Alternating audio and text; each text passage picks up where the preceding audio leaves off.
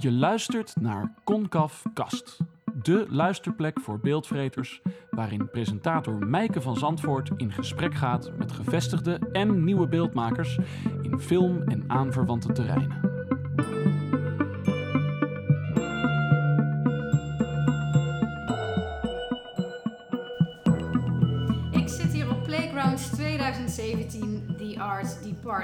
Met twee dagen eye candy en lezingen van de grootste animatie, AV, special effects en VR-talenten.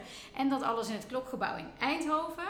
En ook presenteert Playgrounds ehm, een aantal Playgrounds Next talenten. Dat doen ze niet hier op het festival, want het eh, duurt eh, anderhalf jaar, dat talententraject. Maar ik was wel in de gelegenheid om een van de talenten hier te spreken. Haar naam is eh, Vera van Wolveren. Zij en twee anderen worden anderhalf jaar lang ondersteund in de ontwikkeling van hun artistieke visie en hun beroepspraktijk. Eh, Vera is animator en setdesigner en ze wordt ook wel Cardboard Queen genoemd. Eh, want ze maakt prachtige animaties en decors van karton of papier. Moet, wat moet ik zeggen? Is het karton? Eh, inmiddels ook papier. Ik ben ooit begonnen met uitsluitend karton. Dat was eh grijs bord, omdat ik dat toevalligerwijs in de, in de winkel van de academie vond. Dat was een super mooi materiaal waar ik eerst heel lang mee heb gewerkt. Maar dat is gemaakt van recy- gerecycled papier. Dus na een tijdje begon dat dan te vergaan. En daar kwam ik een paar jaar later achter dus dat alles een beetje aan het vergelen was en aan het loslaten. Eh, maar ook kies ik steeds het materiaal wat het beste past bij, eh, bij het project wat ik doe. Met papier kan je bijvoorbeeld veel sneller werken dan, eh, dan met karton. Maar ja, het heeft weer heel andere eigenschappen. En ik heb ook wel eens, eh, je maakt ook een soort van hout, dun houtachtig. Ja, balsa hout heb ik ook een tijdje geprobeerd. En dat is een hout wat heel veel in mo- modelbouw wordt gebruikt. Het is heel zacht. En eh, dat, dat was een beetje mijn reactie op dat ik erachter kwam dat die grijze kartonnen sculpturen begonnen te vergaan. dacht ik, oké, ik moet gaan investeren in onderzoeken wat voor materiaal ik nog meer kan gebruiken. Dus toen ben ik met balsa hout aan de slag gegaan. Eh, maar nu inmiddels ben ik veel met papier bezig en vooral wit papier. Ik gebruik niet heel veel kleur. Ik ben heel erg geïnteresseerd in de, de eigenschappen van het materiaal zelf. En ehm, nou ja, ik bouw dus sets. Op het moment ben ik eh, aan het onderzoeken hoe die op zichzelf een verhaal vertellen. Want vaak waren, ze, waren het sets voor animatiefilms. Eh, maar ik ben nu eigenlijk aan het zoeken naar een soort nieuwe vorm van verhalen vertellen. Iets wat zit tussen sculpturen en animatie in. En ook een beetje tussen ja, bewegende beelden, comics en animatie in. Ehm, Hoe, Ja. heeft, eh, hoe heeft dat talententraject van Playgrounds jou het afgelopen jaar geholpen? Eh, het allerbelangrijkste, denk ik, is dat. Nou ja, ik ben nu vier jaar geleden afgestudeerd. En eh, ja, dan ga je in opdracht werken. En ik heb heel veel verschillende soorten opdrachten gedaan. Van eh, een, jeugd, een decor voor een jeugdtheatervoorstelling met animaties tot commerciële animatie, dus vooral stop motion. Ehm, maar nu heb ik echt de tijd om weer te kijken naar wat wil ik eigenlijk. Want met die opdrachtgevers ga je steeds mee met wat zich aandient. En daar leer je heel veel van. Je leert wat je, waar je wel mee verder wil, waar je niet mee verder wil. Maar eh, nu, nu kan ik echt weer focussen op wat ik ook alweer wilde. Want je, soms kom je weer verder af van waar, waar, je eigenlijk mee bezig is. Wat, wat is je eh, visie is. En ben je daar nu fulltime mee bezig of doe je nog steeds opdrachten? Ik heb dit jaar ook opdrachten gedaan, maar ik heb wel heel veel de tijd genomen om, eh, om echt aan mijn eigen werk te werken. Het is een soort van stok achter de deur, want je wil over in anderhalf jaar echt iets neerzetten. Ja, het is toch weer spannend of zo om echt met je eigen ding bezig te zijn en zonder dat je je kan verschuilen achter een opdracht of zo. Dus dan moet je echt weer gaan nadenken, oh ja, wat wilde ik ook alweer? Wat, wat wil ik maken en toevoegen met mijn werk? Ehm, dus nu, nu is dat goed op dreef, zeg maar. En ehm, wat heb ik. eh, oh nee. Wat is er bijvoorbeeld een heel groot ding wat je, waarvan je denkt, jeetje, dat eh, heeft me echt gebracht? Wat echt heel veel effect was, was een, s- een summer school die ik heb gedaan bij BKKC. Dus dat werd aangeboden via Playgrounds. En ehm, dat was drie, waren drie intensieve dagen waarin je ja, allerlei soorten oefeningen doet. Van presenteren tot eh, dingen formuleren. Allemaal trucs leert over hoe, ja, hoe je, ja, welke woorden je gebruikt om je werk te omschrijven. Tot aan eh, hoe, maak je een businessplan. En dat echt in drie dagen. En dan, ja, dan kom je thuis en denk je, wow, ik ben nu in drie dagen zoveel verder gekomen. Terwijl als je je eigen werk een beetje naast je opdrachtwerk moet doen, dan komt het snel op de achtergrond. Dus dan heb je allemaal plannen, maar dan denk je, ja oké, dan volgende week, want ik ben nu weer te druk. En nu moet je het echt gaan doen. En dat merkte ik ook, dat aan het begin was ik heel erg, eh, zat ik in, ehm, moesten we een plan maken. En dat voelde voor mij heel uh, gewichtig. Van nu moet ik met een heel goed plan komen. En dat moet dan heel goed uit gaan voeren. Het moet allemaal heel goed. En ik moet allemaal nu weten.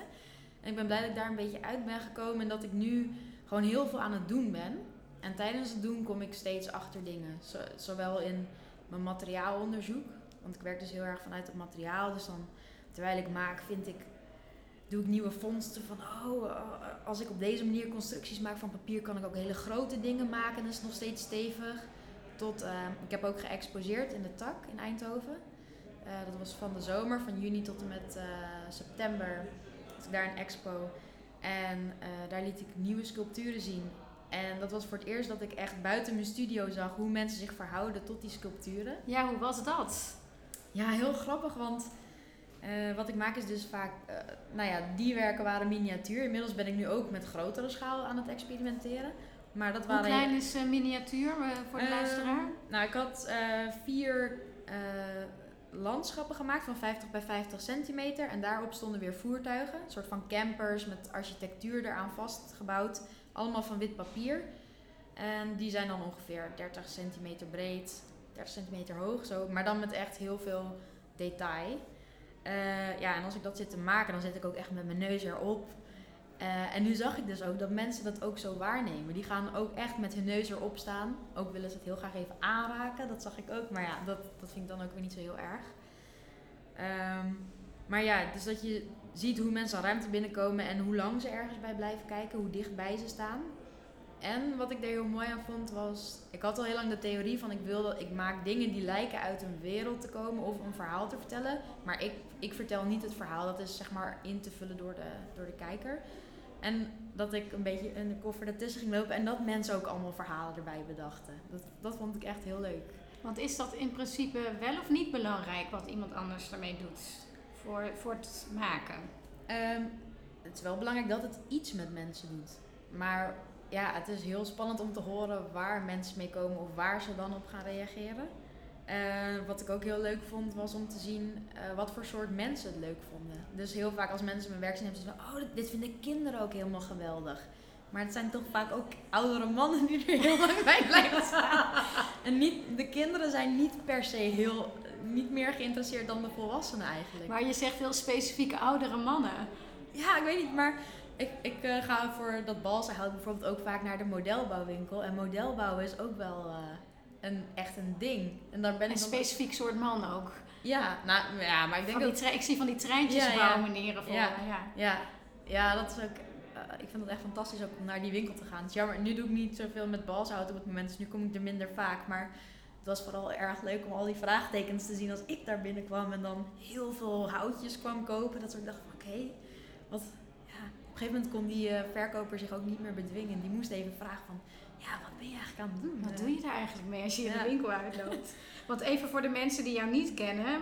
Um, voertuigen, bergen, huizen en een combinatie daarvan. Ja. Is dat, hoe zou je zelf je werk omschrijven? voor iemand die jouw werk nog nooit gezien heeft? Um, ja, het zijn uh, heel werelden waarin architectuur een belangrijke rol speelt. Voertuigen inderdaad. Bergen komen op de een of andere manier ook heel vaak in voor. Uh, het zijn heel uh, gestileerde, heel precies gemaakte werelden. Dus ik werk heel nauwkeurig. Uh, strak. Sommige mensen noemen het ook grafisch. Um, kun, je, kun je vertellen wat er gebeurt in je hoofd? Dus zie jij meteen het soort van wat het moet zijn in je hoofd en ga je dat dan dat beeld namaken of hoe werkt het proces?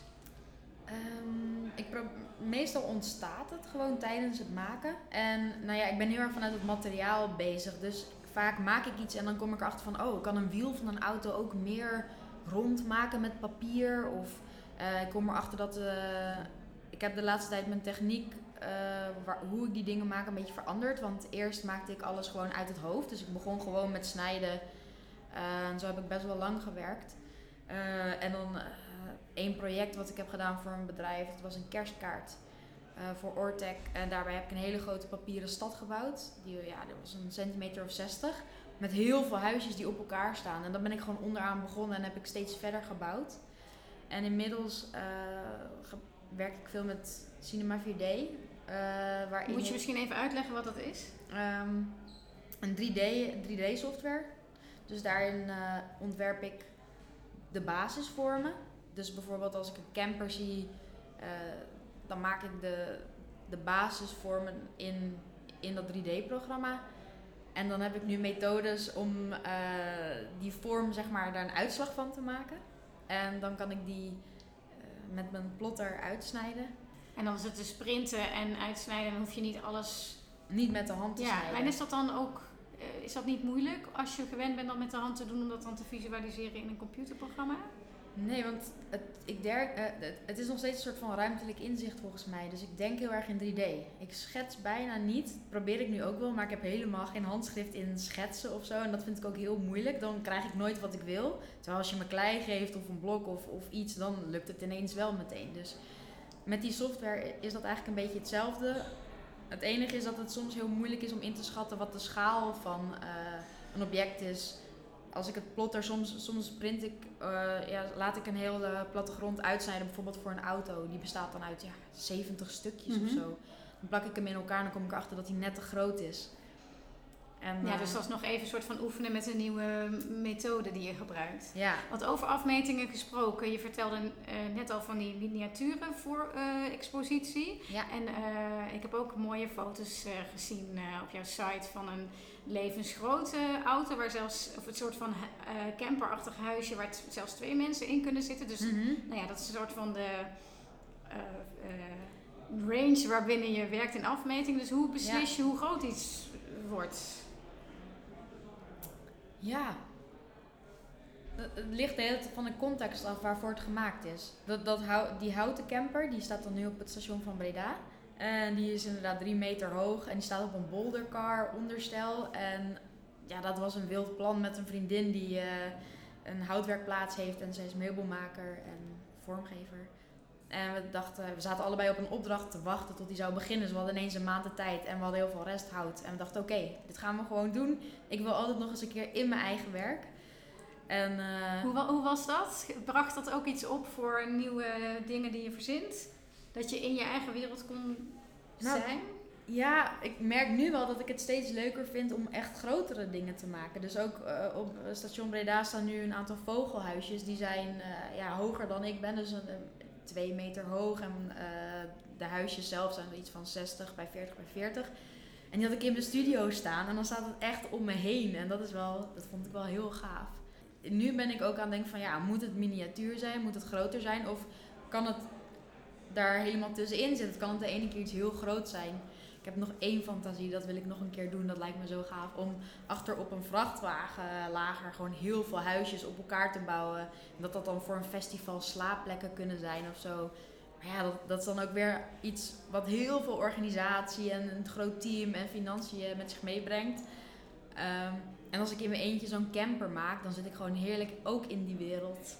En dan zit ik er lekker dicht op en in mijn eentje en zo. Dus zo'n afwisseling daartussen is eigenlijk wel heel erg leuk. Want hoe ziet jouw gemiddelde werkdag eruit? Eh, ik ga naar mijn studio. Dus, Sta eh, jij elke dag dezelfde tijd op? Ben je Ja. gedisciplineerd in je... Ja. ja, en dan een beetje hoe, hoe drukker het wordt, hoe vroeger ik begin op te staan. Ik vind het echt heerlijk als je het echt heel druk hebt en je bent om zes uur op je studio of zeven uur. Maar als het dan weer voorbij is, weet je wel, die, eh, die golven van eh, stress of, of inspanning. En dan, dan kan je weer een tijdje om half tien op je studio komen. Maar ik probeer, ik heb wel een ritme waarin ik meestal om negen uur op mijn studio ben tot een uur of zeven. En je hebt op eh, Vimeo, dat is eh, trouwens een tip, want het is heel leuk om te zien. Want je deelt echt heel veel op Vimeo en Facebook over je, eigenlijk ook over je werkproces. Ja. Eh, want waarom doe je dat eigenlijk? Mensen vinden, ja, anders begrijpen mensen helemaal niet wat het is. En dat is toch ook wel, vind ik heel leuk om te zien, want ik- dat is zelf ook waar ik helemaal, ja, hard op ga, zeg Ja, dat vind je bij anderen ook te proces. zien. Ja, Is het, is het ook een soort meditatief effect wat je de hele dag meemaakt? ja, als ik er echt in zit, dan wel. Maar Zit je er vaak echt in? Ja, ja, ja. En ook als ik net weer iets nieuws heb ontdekt, bijvoorbeeld eh, voor de tak-expositie was ik voor het eerst eh, best wel gedetailleerd papieren auto's aan het maken. En in combinatie met die 3D-software kon ik steeds verder gaan met veel meer vlakken. En dan, dan kan ik ook gewoon niet meer slapen. En dan moet ik gewoon ermee verder. En dan denk ik, wauw, oh, ik krijg dit nu rond. En dan heb ik er één af. En denk ik, ja, ik moet nu al bijna de nieuwe. Want ik heb nu zoveel nieuwe dingen ontdekt. Nu moet ik dat allemaal gaan toepassen. En ook op weg naar mijn studio moet ik dan alle auto's bekijken. Van oh, hoe zitten auto's eigenlijk in elkaar? Weet je wel? Oh, een familieauto is meer zo en een sedan en wielen. En ja, je gaat heel anders naar de wereld om je heen kijken, want je bent het eigenlijk aan het namaken. Het klinkt alsof je in een soort bubbel ja. raakt. Ja. En is dat dan een per project een hele andere bubbel? Ja, het zijn wel een soort van kleine hoofdstukjes of zo. Dat is wel, uh, ja. Heb je voor jezelf ook een lange termijn visie van waar je naartoe wil? Of ga je gewoon, leef je per dag? Wat dat betreft, per project? Um, eerder was het dus per project, maar ik heb nu wel voor Playgrounds dus ook een groter project in mijn hoofd. Waar ik, waar ik wil dat alles bij elkaar komt wat ik doe. Is dat, kun je daar al iets over zeggen of is dat nog te warrig? Nou, ik ja, ik denk dat het heel erg leuk gaat worden. Het is eigenlijk iets waar ik al heel lang mee rondloop. En omdat ik heel vaak tussendoor korte dingen of opdrachten heb gedaan, of dat ik maar heel kort had voor een projectje, dat ik daar wel niet aan toe ben gekomen om het tot een groter geheel te maken. Maar ik zou, ehm, en dat is ook een beetje waar in dit project weer animatie en die sculpturen samen gaat komen en het delen daarvan online. Want ik wil een. Ehm, ja, een wereld gaan maken die je kan gaan bezoeken en waar steeds nieuwe delen aan vastkomen. Dus dat bijvoorbeeld al die campers die horen ook weer tot die wereld. En um, de interieurs van die campers en dat je daar als bezoeker echt doorheen kan. Als een, ja, niet echt doorheen lopen, maar dat je er doorheen kan klikken en verschillende ruimtes kan zien. En dat het, ik wil dat het iets wordt wat zich steeds verder uitbreidt en wat mensen ook kunnen gaan volgen. Dus, dat ik steeds... dus als een online project? Ja, en komen er dan ook nog expos rondomheen? Ik denk dat die dingen zich ook heel goed gaan lenen om dan weer in het echt te exposeren. Maar inderdaad, nu ben ik begonnen met twee expos. En ehm, daardoor merkte ik ook van oké, hoe mensen het dan in het echt bekijken.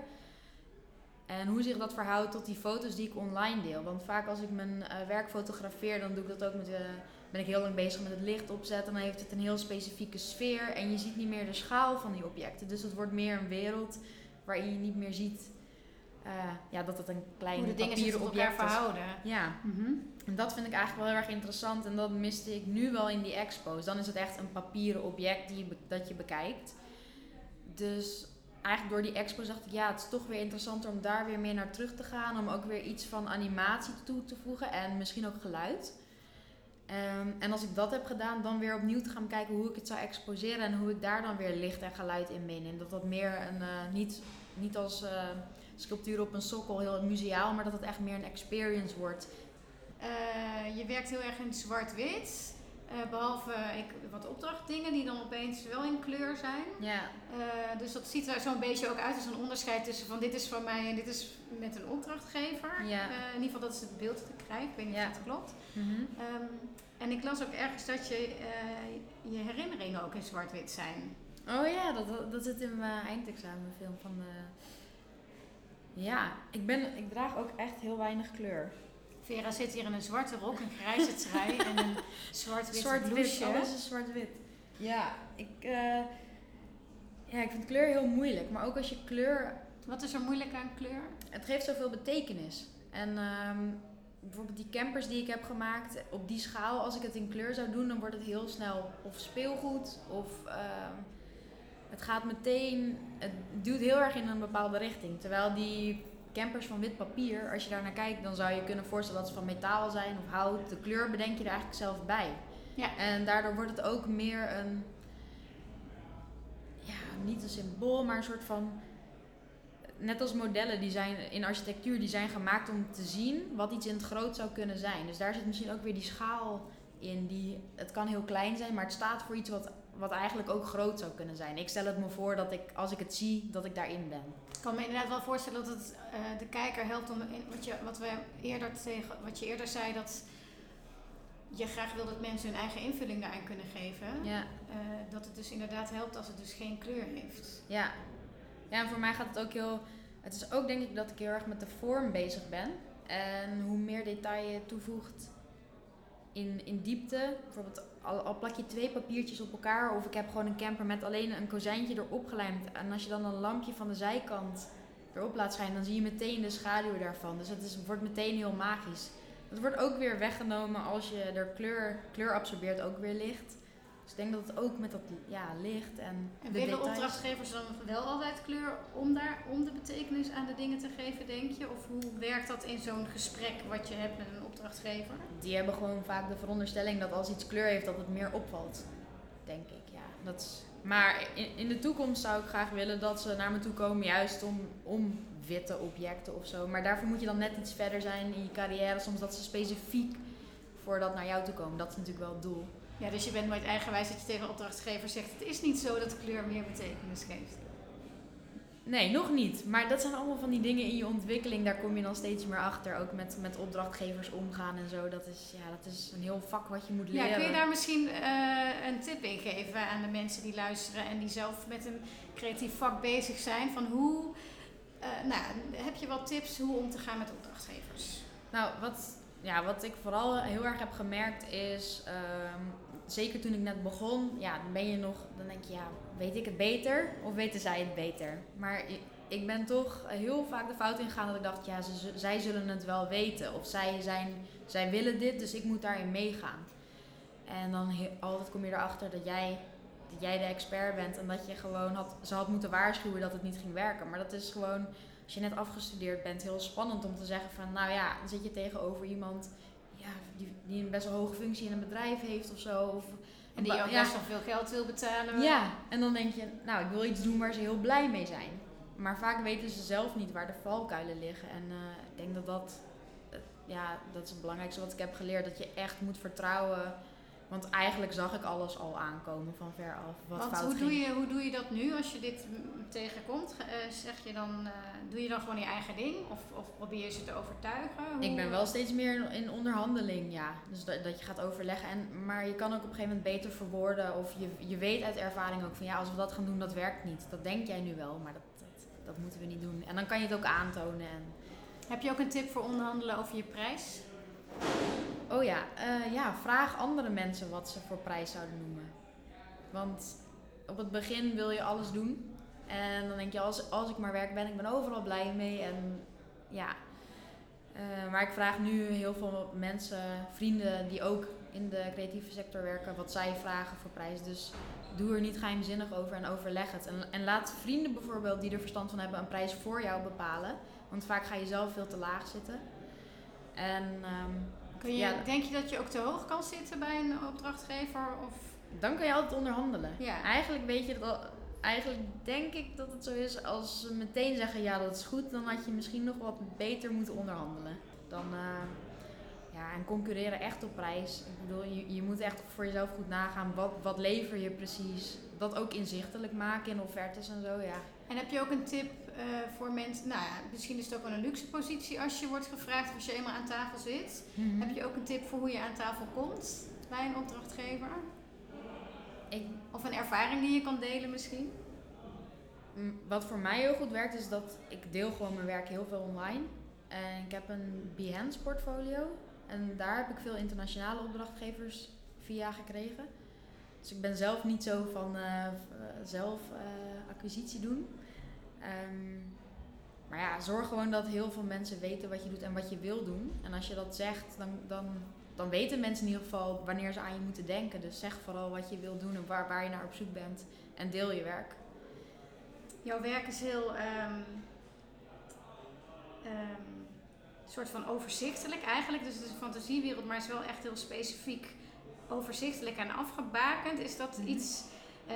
oh, je zegt ook volgens mij ergens in een filmpje van toen je nog op Sint-Joost zat... Ik fantaseer er wel eens over hoe het zou zijn als er een a- gebruiksaanwijzing zou zijn voor het leven. Het- het- het- in hoeverre is jouw, eh, lijkt jouw dagelijks leven op je fantasiewereld? Van- In, het, in, in de zin van, in hoeverre heb je het nodig om inderdaad zo gestructureerd te leven? Ja. Nou, wat ik nu wel heel mooi vind, al, ja, eh, vier jaar geleden toen ik afstudeerde, heb ik met heel veel mensen natuurlijk gesprekken gevoerd en zeiden van ja, maar hoe ga je dan hier geld mee verdienen? Hoe kan je hier dan van leven? Maar ik heb altijd gedacht van ja, maar als ik dit niet ga doen, weet ik echt niet wat ik anders moet doen. En ik vind het wel heel erg mooi dat het gewoon lukt. Het voelt wel als een soort life hack. Dat ik mijn eigen wereld creëer en dat ik daardoor in de wereld kan, dit weer kan doen. Dus ja. Ehm, Het mooiste wat er is. ja. Ik vind het een mooi einde van ons gesprek. Wat jij, of heb je nog iets belangrijks te zeggen waar we het nog niet over gehad hebben? Nee, ik denk het niet. Nou, dan wens ik je nog heel veel plezier hier op Playgrounds. En eh, kijk ik heel erg uit naar eh, jouw online uh, werk waar je net over vertelde. Ja, dankjewel. dankjewel Vera. Dank je.